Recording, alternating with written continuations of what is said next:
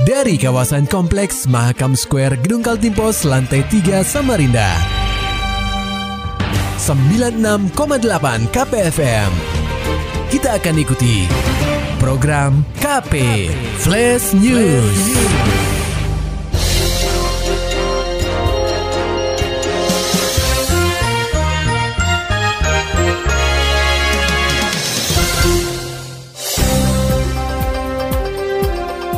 Anda sedang menyimak program KP Flash News bersama saya Agung Pratama. Pendengar KP, setelah menjadi sorotan permasalahan yang menimpa murid SDN 002 Samarinda Seberang berinisial MF, akhirnya diselesaikan langsung oleh Wali Kota Samarinda Andi Harun. Permasalahan ini menjadi pembahasan hangat lantaran MF yang masih berusia 10 tahun diduga diusir oleh gurunya karena sudah hampir satu tahun tidak masuk sekolah.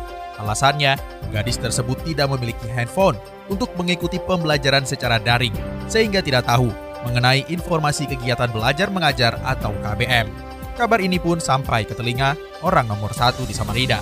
Akhirnya pada Senin 6 Juni 2022, Andi Harun langsung menyambangi kediaman MF di Jalan Pangeran Bendahara, Gang Pertenunan, Kelurahan Tenun, Samarinda Seberang, untuk menemui gadis yang duduk di kelas 4 SD itu serta wali kelasnya.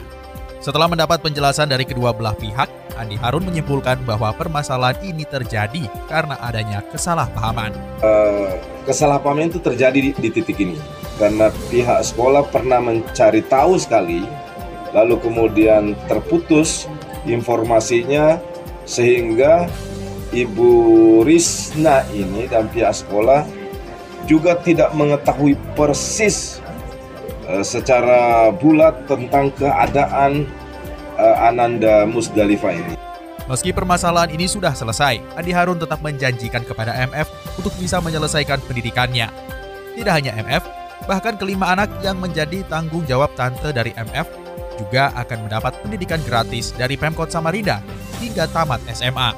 Selain itu, rumah kayu yang dihuni oleh keluarga ini juga akan masuk dalam program bedah rumah dari Pemkot Samarinda.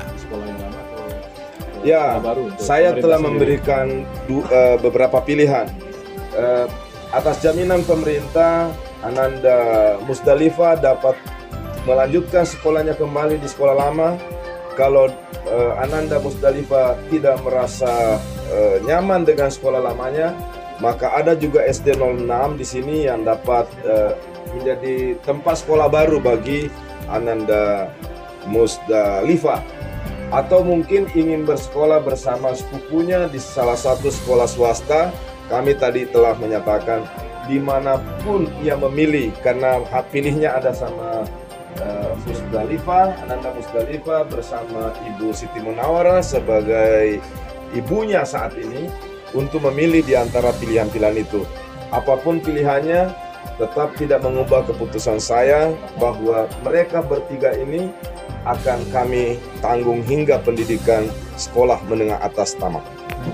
Tidak hanya Andi Harun, kediaman MF terlebih dahulu dikunjungi oleh Dandim 0901 Samarinda, Letkol ARM Novi Herdian, di mana gadis 10 tahun ini menerima bantuan berupa paket sembako yang diserahkan langsung kepada wali dari MF, yakni Siti Munawaroh.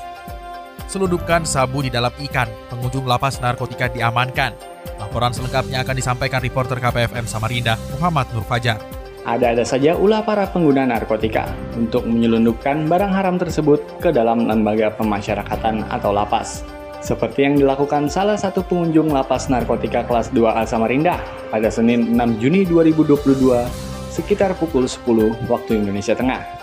Dia nekat menyelundupkan sabu-sabu di dalam makanan yang akan dikirimkan kepada salah satu warga binaan pemasyarakatan atau WBP. Beruntung, aksi penyelundupan ini berhasil digagalkan oleh petugas lapas narkotika kelas 2A Samarinda.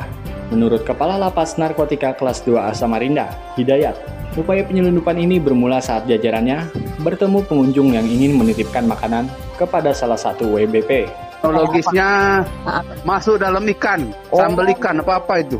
Oh sambal ikan gitu ya lauk gitu. Iya lauk. Jadi oh. apa dia datang membawa itu pengen menemuin warga binaan di dalam. Uh, uh, uh. Nah kemudian kita periksa di depan dia. Uh, uh, di depan dia. Uh. Nah di dalam di dalam badan ikan apa perutnya apa badannya itu ya uh, uh, ditemukan bungkusan Oh, bungkusan poketan itu Pak ya?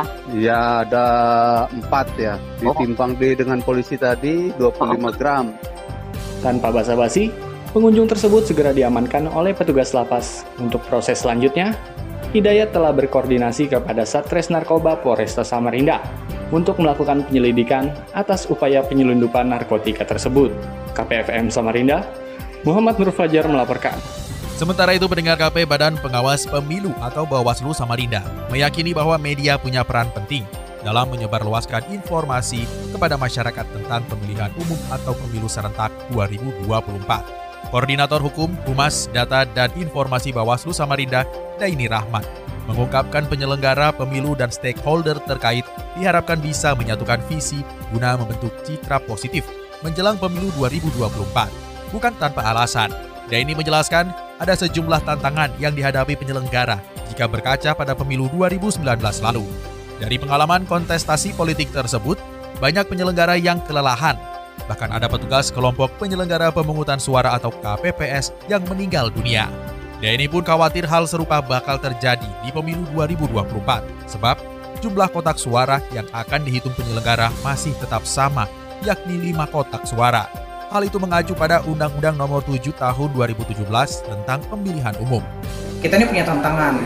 Tantangan kita itu pada saat 2019, ya kan, banyak KPPS, ya kan, dan pengawas TPS serta penyelenggara di atasnya itu yang uh, tertimpa musibah bahkan ada yang meninggal ada yang kelelahan apa dan segala macamnya yang jadi kekhawatiran itu bahwa apa polanya nanti pada saat 2024 itu kan masih sama seperti kemarin karena kita masih menggunakan Undang-Undang Nomor 7 Tahun 2017 maka akan ada lima kotak yang dihitung kan seperti itu Bawaslu Samarinda pun menghimpun media dalam rapat koordinasi pengelolaan kehumasan peliputan dan dokumentasi dalam persiapan pemilu serentak 2024. Kegiatan itu berlangsung di Hotel Aston Samarinda Senin pekan lalu.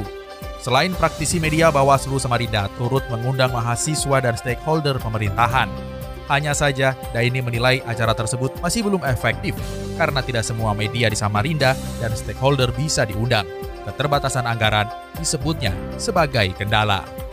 Maulani Alamin, Muhammad Nur Fajar, KPFM Samarinda. Serta dapatkan berita-berita selengkapnya di www.968kpfm.co.id. Demikian tadi telah kita simak rangkaian berita-berita yang terangkum dalam program KP Flash News. Persembahan dari 96,8 KPFM. Terima kasih dan sampai jumpa.